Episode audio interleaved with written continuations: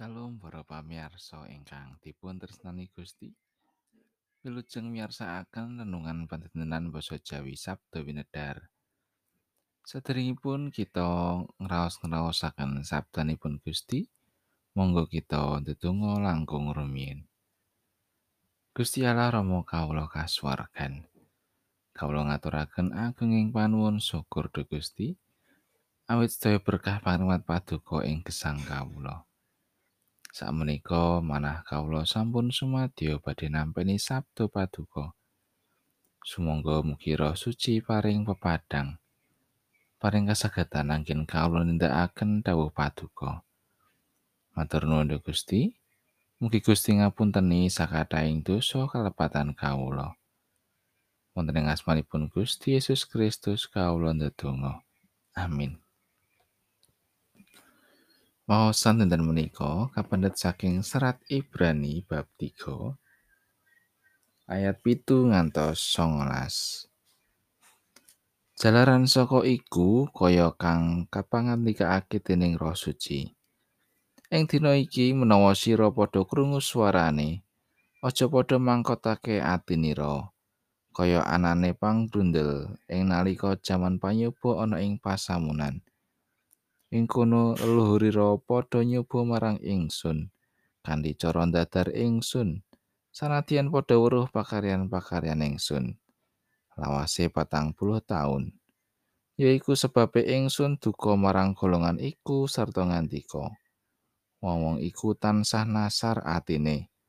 Sarta padha ora nyumurupi margi ingsun.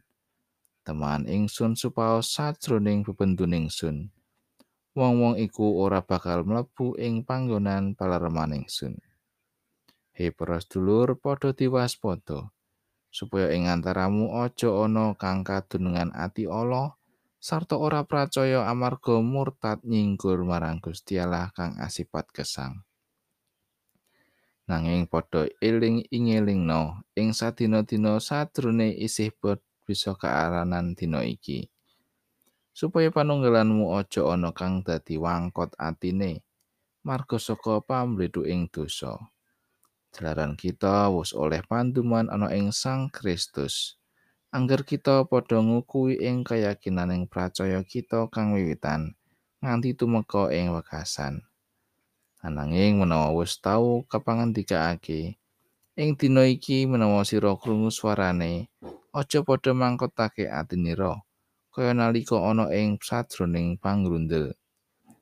Sopo to kang memungu dukaning Allah sanadyan padha krungu suarane?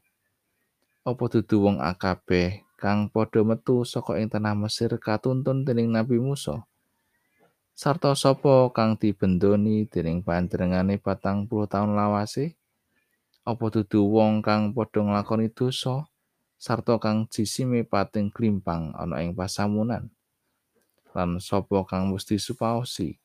Bakal ora padha lumebu ing panggonan palermane apa dudu wong kang padha ora mbangun miturut iku? Dadine kita padha sumurup. Menawa wong iku padha ora bisa lumebu amarga saka anggone ora percaya Makatan pengantikanipun Gusti. Ayat 6 saking ayat sekawan welas. Jalaran kita wis oleh panduman ana ing Sang Kristus. Angger kita padha ngukui ing kayakinaning percaya kita kang wiwitan nganti tumeka ing wekasan. Wonten unen nal tradisi masyarakat Jawi ingkang seraosipun sapikul sagendongan. Rumiyin adat tradisi menika dipun ginakaken tiyang sepuh kangge paring panduman utawi warisan dhateng putra-putranipun. Sapiko sagendongan ngemut teges pilih anak jalar pikantuk pantuman warisan kalih bagian utawi sepikul. Dene anak istri pikantuk pantuman warisan setunggal bagian sagendongan. Anak jalar nampi pantuman langkung kathah ketimbang kalian pantumanipun anak ingkang estri.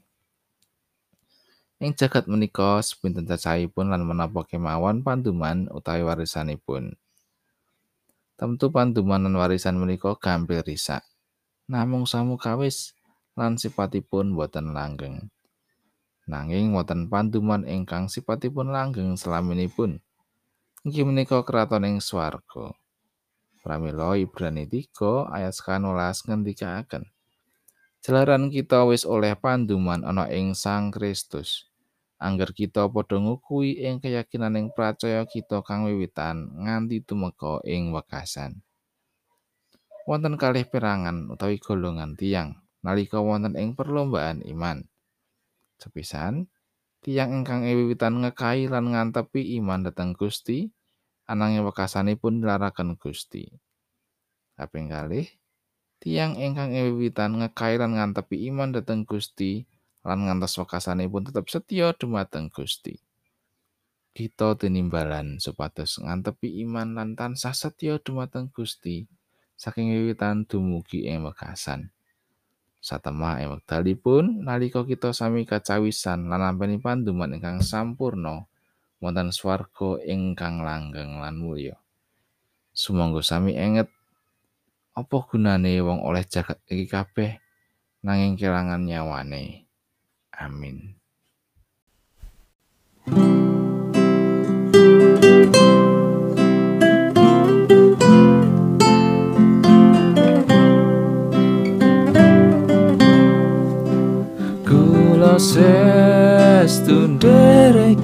Gusti kang jumeneng panutan tetep setia tukeng janji tan mikir karibetan dunya waku cok kuatir Gusti tan ewa kingser tut puri o salamiyo ing satinda e Gusti